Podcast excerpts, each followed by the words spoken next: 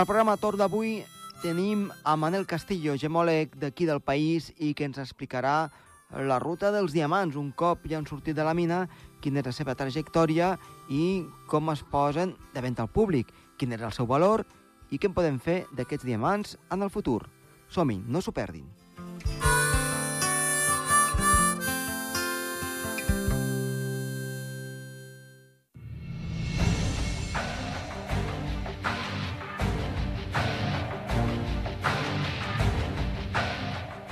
En el programa d'avui parlarem amb Manel Castillo, gemòleg d'aquí del país, que eh, l'hem tingut diverses vegades al programa Torp i que ens ha parlat de l'or, també dels diamants, i avui volem que ens parli, que faci aquesta segona part dels diamants, de com es distribueixen arreu del món, que se'n fa i com afecten a l'economia.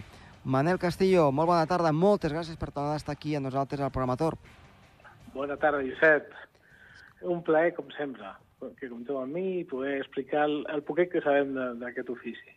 Doncs un ofici que és molt maco, un ofici que és molt difícil i que avui és el dia doncs, una mica per explicar en què consisteix també el teu ofici des d'aquest punt de vista dels diamants, un cop doncs, eh, aquests diamants ja han estat extrets de la mina i es posen doncs, eh, a voltar pel món, no? roden pel món. Com es fa això? Si vols comencem doncs, un cop doncs, ja els tenim a la mina, ja han estat doncs, eh, qualificats Correcte.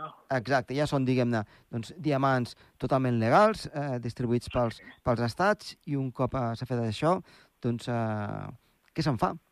La, primer començaríem dient que fem una tria, el que és la tria gemològica i la part de la tria industrial. La part, la part industrial nosaltres no la tocarem, parlaríem de la part gemològica, que són els diamants més macos, millor formats, uh -huh. millors colors, i que ja van... De, tu saps que hi ha uns departaments de regulació a nivell internacional que estan dintre del, del que és l'homologació Kimberley, que són les que garanteixen d'on ve, quina mina, quin productor, com, com, com s'ha obtingut aquests diamants per poder entrar a la mina, al que és el, el circuit legal de diamants. Uh -huh. Nosaltres operem sempre amb productors que estan dintre i amb, amb, amb tots els, els certificats de Kimberley, uh -huh. que és l'homologació internacional per poder treballar en posa.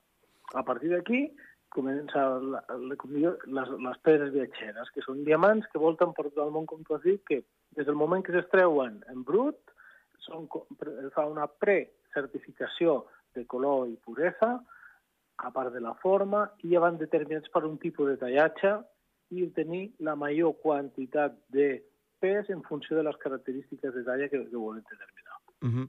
eh, per tant, eh, diguem-ne, um, aquí has distingit dues coses. Um, ara parlarem justament doncs, a la que tu dediques doncs, a gran part de la teva feina, però res, fes un petit incís eh, d'això que has dit, que també és molt interessant, la part industrial, això vol dir que tots els diamants, siguin bonics o no, doncs eh, s'utilitzen, no? Sí, senyor. Has de comptar que el, diamant és el material més dur que tenim a la natura, és duresa 10 a l'escala de morts, i el que tenim dintre de la seva duresa, que és la, la millor característica del diamant, és que és una duresa direccional. Tenim perpendicular a l'eix òptic, una duresa una mica més elevada, que és el que permet fer tant discos de polir per polir el mateix diamant, perquè tu has de comptar que el diamant es talla amb pols de diamant. Són uh -huh. discos de diamant que tenen, eh, bueno, ara actualment ja es fan encarats perpendiculars a l'eix òptic i el que fa és treure una miqueta més de puresa perquè per fricció puguis perfilar. La part més lletja del diamant, que és la part eh, industrial, que són diamants més rugosos, negres, d'una qualitat molt baixa, són servir per broques de diamant, per perforacions, el que són totes les, les broques de tuneladores, totes venen acompanyades de del que són eh, diamants en pols que fan abrasiu per poder tallar o per poder entrar dintre de la... De, de, per fer per, per, per, són perforacions. Mm -hmm. Per tant, la... aquesta pols de diamant s'utilitza, doncs? Sí, tant de, per polit com hi ha les dutiladores per fer els fils de corrent. T'has de comptar que el que fan el calibratge dels fils, totes venen internament amb mm, diamants impressionats, que el que fan és que eh, pel seu per la seva duresa, limiten el gruix de, del, del fil de corrent o a nivell de, de les broques, aquestes perforadores que diuen diamantades, són les que més aguanten, però també totes el que són impregnades de pols de diamants. Uh -huh. Per tant, doncs, sabem que doncs eh, tot el diamant s'utilitza. Per tant, Sí, és, tot. és, eh, eh, està bé perquè no es queda res, um, diguem-ne, fora del que és el circuit, ja sigui per Amb indústria... el costós que de poder-lo trobar, compte que tot, tot, tot és aprofitable. Tot. Mhm. Doncs un cop sabem una mica doncs, aquest diamant industrial, quin és el seu ús, um, un ús doncs, que ens és molt útil, veritablement, perquè tot uh, ara ens has dit, um, anem a aquesta part, diguem-ne, eh, més gemològica, més de, el detall de, de tenir doncs, a, a casa o de fer-hi comerç. Um, un cop, diguem-ne, surt de la mina, un cop ja ha estat doncs, certificat, uh, aquestes mines són dels estats o són, o són privades? També pot haver-hi un, diguem-ne, un jaciment privat?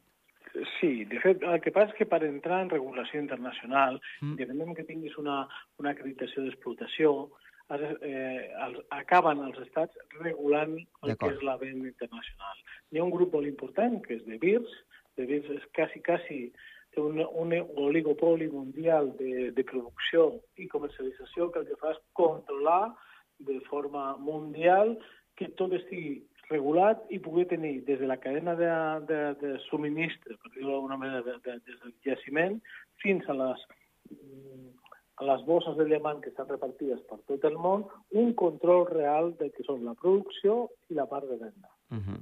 Doncs ara eh, ens anem, per exemple, doncs, a la Índia, que vas dir doncs, que molts dels que arriben aquí a Andorra són, són d'aquí a zona, no? bueno, els que, la majoria dels que importem nosaltres, i diré per què, tu has de comptar que en, en la talla, bueno, a nivell gemològic per, fem la diferència de les 4 Cs, com diuen els carat, color, clarity cut, que no deixa de ser el pes, el quilatatge, la coloració, la puresa i el tallatge. Un cop que tens ja passada el primer cribatge del brut, Uh -huh. Passes al, al que és el centre de talla. Centres de talla tenim repartits per tot el món. El principal de, del món, el, per on passen el 80% dels diamants en brut i tallats, és en Veres. D'acord. I- Londres, New York, Tel Aviv, a Sud-àfrica Johannesburg, o sigui, tens repartit per tot el món de forma molt estratègica Uh -huh. centres de talla. Per què? Perquè aquí on realment es treu el preu real del diamant.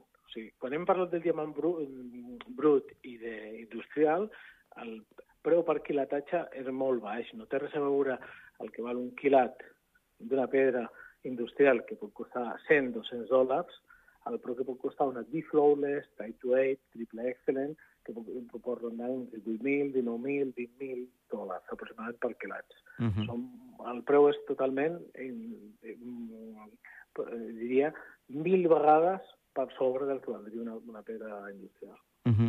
uh, per tant, uh, un cop ja tenim això, uh, tenim amb aquests centres on es comencen a perfilar com ha de ser aquest diamant, mm, arriben amb aquests centres, per exemple, en vers, i, Mhm. i, i què, què se'n fa? Com es decideix?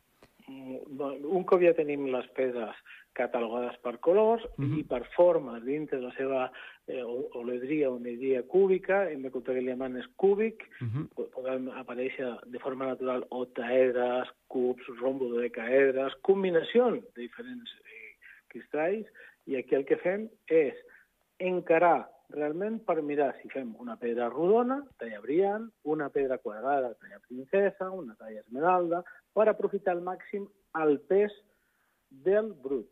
Aquesta és la primera característica, donant unes molt bones proporcions, aprofitar el màxim de pes, que això ens donarà una millor valoració a l'hora de fer la venda final. Uh -huh. Aquest tallatge, com es fa? Actualment, les pedres fins a dos, tres, qui- dos quilats i mig, que no arribin a tres, venen en línies de talla. Agafes una pedra perfectament tallada i el que fan és una repetició, un cop encarada les pedres i fan en cadena. Uh -huh. Vale? Les pedres de més categoria són totes amb tallatge manual. Comences des de fent el perfilat en rodó, durant el que és la corona, mitges facetes, facetes la fas la part superior del que és, hem de dividir la part superior de la corona i la part del pavilion de la part de la part inferior del que és la talla del diamant. És molt important que les proporcions siguin molt bones, perquè si no ens trobaríem que els reflexes interiors de la pedra, un cop variaria la lluentor del material, Per què? Perquè és com tenir una làmpara desfocalitzada. Ja. Si, la, si els angles interns no venen ben proporcionats, ens trobaríem que estaria que la majoria de la llum sortiria per al pavillon, per la part inferior de la pedra. Molta gent pensa que un diamant ha de ser muntat amb una joia a la vista perquè si no, no hi vivia, no és real. El diamant és com un focus. Tota la llum que entra per la part de la corona és reflexada i reflectida internament per, per la pedra i surt directament pel que és la part de la taula i de la corona. Jo ara això ho estic imaginant i quan m'has dit eh, el tallatge a mà eh, m'ha fet por, eh? Perquè, clar, això deu ser tota una escola per saber-ho fer. Bueno, tu, quan jo vaig començar com a tallador, va ser la primera feina que és quan jo vaig arribar amb talles que vaig tenir com a tallador de diamants. Aquesta és el, com s'aprendia antigament. Per què? Perquè tu toques realment el material i veus els defectes que en un moment determinat pot crear un, tall, un tallador amb un, mal, amb un mal encarat, amb un mal purit, a l'hora de determinar la, la, els defectes quan ets ja professional, és Diamond Grader, que el que fas és catalogar aquest tipus de diamant acabat, et permet tenir més eines que no el que només mira pedres ja acabades. Uh -huh. Aleshores començava l'ofici des de baix. Uh -huh. Un ofici... Agafaves un gruix, encaraves, has de comptar que el tallatge del diamant començava amb l'exfoliació. Tenim un diamant que té, que el diamant és una de les propietats que té és una exfoliació perfecta. Uh -huh. Ara no, es fa un tallat de la, el primer, la primera eh, mesura que es fa amb el diamant és com aprofitar al, al màxim i tallant amb, amb làser, ja no es talla com es feia abans, amb un copet que t'arriscava realment a perdre o guanyar calés. Per tant, hauríeu de, de saber també bastant de cristal·lografia, no?, en aquest aspecte. Bueno, si ja, i com, com tu ja saps bé, Sí, no? una, una de les assignatures més dures que teníem a la facultat Més totxo, eh? era, era cristal·lografia, sí senyor. I tant, i tant. Um, aquest tallatge es fa sempre doncs, també amb, amb aquest tipus de màquines, no? Amb aquest que has dit de, de, de pols de diamants per tallar Sí, aquests... Són discos de diamant, el que fan húmids, el que fa fer és per fricció. Has de comptar que és encarat amb la part que tu vols tallar el diamant brut en la direcció més tova proporcionada amb el disc que és la direcció més dura de, del pols de diamants. O sigui que, que perpendicularment a l'eix òptic del diamant eh, guanyem mig punt de puresa. Si l'encares a l'inrevés, Mhm. eh, per fricció i amb una mica de pressió, el que vas fent és perfilant desgastant. O sigui, el tallatge és un desgast continu de, de fricció. Uh -huh. um, la pressió deu ser molt elevada, no? Uh, No, no, podem, no podem pressionar massa. A veure, una, una cosa és la pressió que està sotmesa al, al, al diamant Sí. per créixer de forma natural i una altra cosa és quan ja el diamant el tenim amb, cristal, amb, amb, amb cristall i diamant ja format, si el pressiones molt, també aquest, això era un defecte, antigament. Si tu pressiones molt el diamant, una cosa que sigui dur i una altra cosa que sigui fràgil. Uh -huh. Eh, és molt trencadís, s'ha d'anar en compte, i més en segons quines sessions de detallatge. Uh -huh. um, i, I després, des, des del punt de vista psicològic, la persona que està tallant, eh, suposo que, clar, ja ha fet, doncs, uh, aquesta carrera, no?, diguem-ne, de, de saber... Un ofici real. un ofici, eh, però um, en aquest cas uh, t'enfrontes amb una cosa que si la trenques o fas malament, És una responsabilitat molt elevada. molt gran, no? Clar, tu has de comptar que n'hi ha un tipus de pedra que es diuen pedres límits, Sí. que els, els diamants, en funció del pes final, un cop tallat, van determinar, tu saps que la proporció no, no, no és, el preu no és proporcional en funció del pes. Tu pots tenir, o sigui, hem de començar que n'hi ha, igual que tenim el Fixing Londres, que és el que ens determina el preu a nivell mundial Uh -huh. del que val un quilo d'or, al diamant tenim un cop tallades les pedres, tenim una llista oficial internacional que tots els diamants, el despatx, els burós de diamants tenim disponibles, es diu Rapaport Diamond Report. Aquesta llista internacional està homologada dintre de totes les borses del món i és que, depenent del color, la puresa, el pes, ja sigui, i altres característiques, o sigui, de, eh, el que és polit, proporció o simetria i si té o no té fluorescència, varia un preu determinat en funció d'aquesta llista.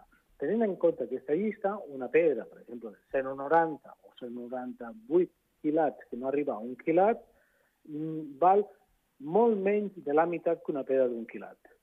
Aleshores, Si tu teies una pedra d'un quilat a un quilat i mig, canvien de, de preu i no és proporcional, val que sigui al doble del que valia l'anterior eh, mesura de pes. Uh -huh. Aleshores, quan un tallador està tallant i es troba amb una pedra límit, no és el mateix tenir una pedra de 1 quilat, 0,02 que una pedra de 0,98 el treball és el mateix i el preu al mercat és la meitat. Uh -huh. Ser molt, molt curós a l'hora de, de fer el tallatge per tenir l'opció final de pes. Per tant, diguem-ne, quan, quan tu ja t'enfrontes amb això, perquè és que ja tens molta experiència i aquest ofici suposo que deus trigar anys amb, amb, amb estar preparat, no? Sí. Mai s'està preparat. Mai s'està preparat. Claro. Eh, I després passa una cosa que s'ha de ser claríssima. Amb els anys, el tacte és com el cirurgià. No tens el mateix tacte, encara que tinguis molta més experiència. Ja. Ara tenim moltes ajudes a nivell tecnològiques de perfilacions d'angles, eh, determinen exactament càlculs d'angles amb un brut determinat per tenir una triple excellent, que és en polita i simetria exacta, perquè clar, el preu també varia de tenir un bon tallatge eh, excellent a tenir un tallatge eh, good o very good, ens pot variar d'un 15 a un 20% a la, mateixa pedra. Uh -huh. Ja ho tenim tallat, això.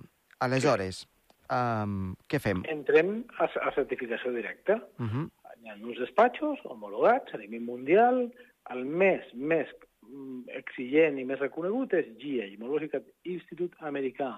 I després tenim el HRD, que és Consell Superior del Diamant d'Amberes.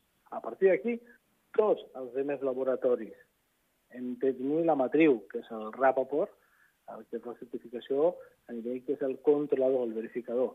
Si tenim una pedra certificada per un laboratori, sigui GIA, HRD o Rapport Diamond Report, automàticament sabem que tenim un producte que ningú podrà qüestionar el que estigui escrit dintre d'aquest- d'aquesta documentació. Uh -huh. I a partir d'aquí, doncs ja es, es fiquen a la venda. Es fiquen a la venda. El primer pas és entren als despatxos de diamants de la bossa, Uh -huh. en el meu cas la que més conec des de fa molts anys de la bossa d'Amberes, eh, el cartell diamant té unes, unes característiques com una zona franca en la qual operen tots els diamanters del món, des de productors, talladors... Tenim, eh, Per tant, ja, Sí, el, el que m'estàs dient és que eh, un cop ja està tallat, ja està classificat, no és que eh, vosaltres aneu allí i agafeu, dóna'm, jo què sé, 10 o 12. No, no, hi ha una subhasta, no?, pel que m'estàs dient? Bueno, Ho estic sí, entenent? no, a veure, sí, la subhasta es feia, ara per ara el que estem fent, la, la bossa vella del diamant on es reunien tots els productors i anaves directament, ara s'ha reduït en dos carrerons, diferents despatxos, i cada despatx el que té intenta eh, marcar-se unes pautes de, de colors, pureses, tallatge, s'ha- fet més especialitzat. Abans sí, abans arribava un productor amb tot el que tenia. Tenien la part del diamant brut, que anava dirigida als talladors, després tenen la part tallada, que anava dirigida al, al, port, al port majorista, però part comercial, que hem de diferenciar que els diamants que es venen al 90% de les joies són diamants comercials. Això vol dir que el que tenim coloració des d'un blanc excepcional, plus, plus, baixem fins a un to grugós, com he dit, per qüestions d'inclusions internes, en la formació i en la composició química. Els diamants que es venen en una joieria acostumen a ser diamants d'una coloració eh, no lindana del, del que és del blanc fins al eh, ligero color groc, amb un grugós, molt, una tonalitat molt, molt lleugera, que és el que busquen un preu més comercial amb una aparença molt maca. El diamant que nosaltres toquem, doncs, saps que la meva companyia està estudiant el que és el diamant d'inversió. El diamant d'inversió és dir que és el color màxim, extra pur, amb una puresa no l'uclim, flawless, sense cap tipus d'imperfecció ni interna ni externa, triple excellent vol dir amb un, amb un tallatge perfecte, amb una simetria perfecta i amb un polit perfecte i sense fluorescència.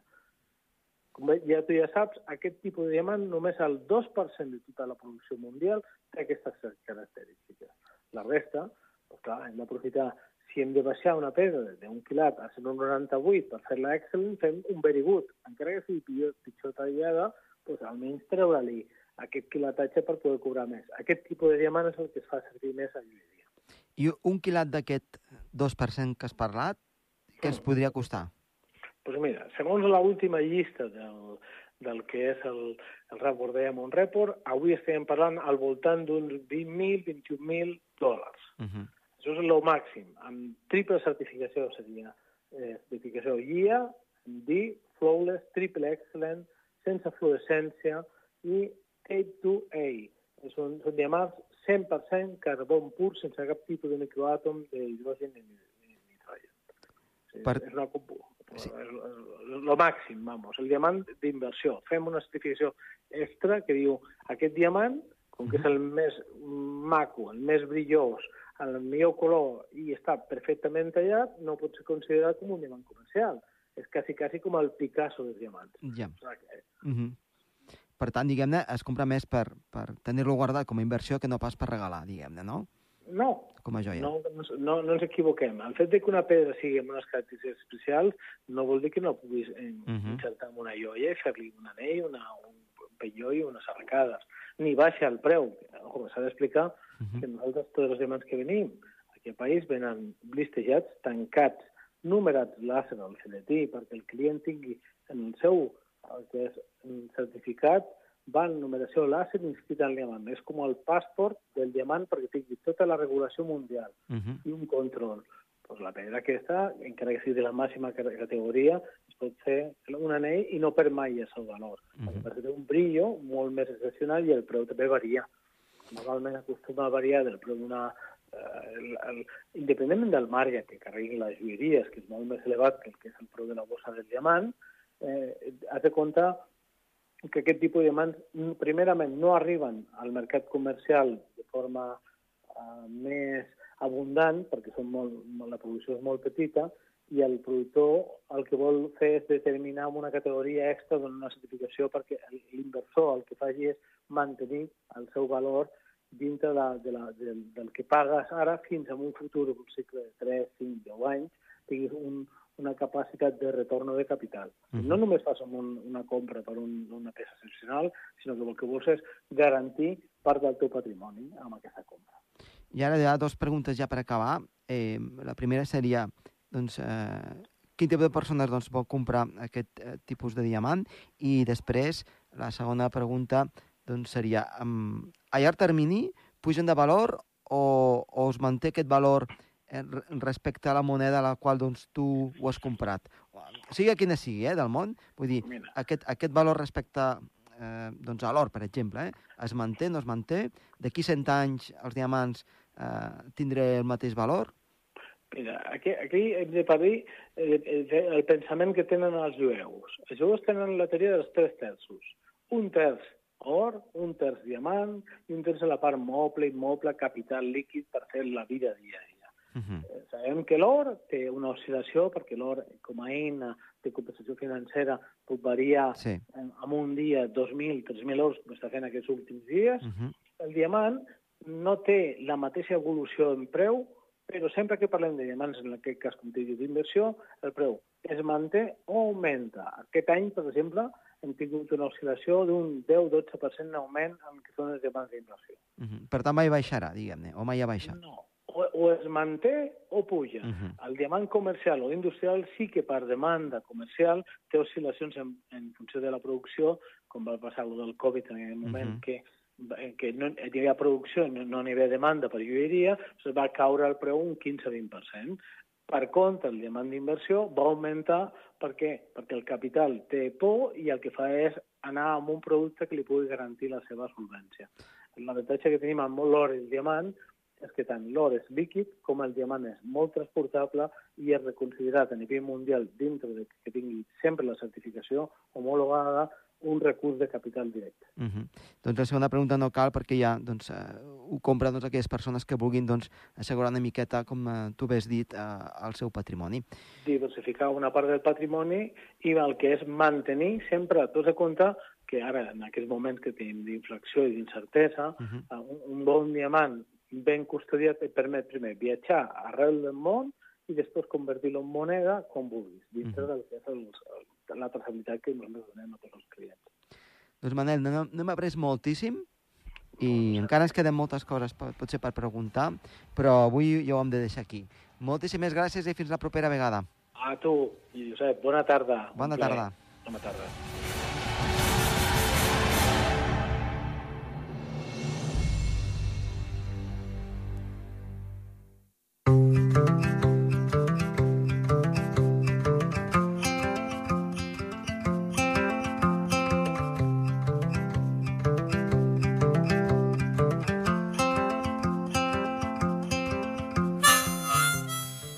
Aquí el programa d'avui. Esperem que hagi estat del seu interès. Està de les vies de so, Toni Escur, i que els ha parlat amb molt de gust, Josep Tomàs Bosch. Adéu-siau.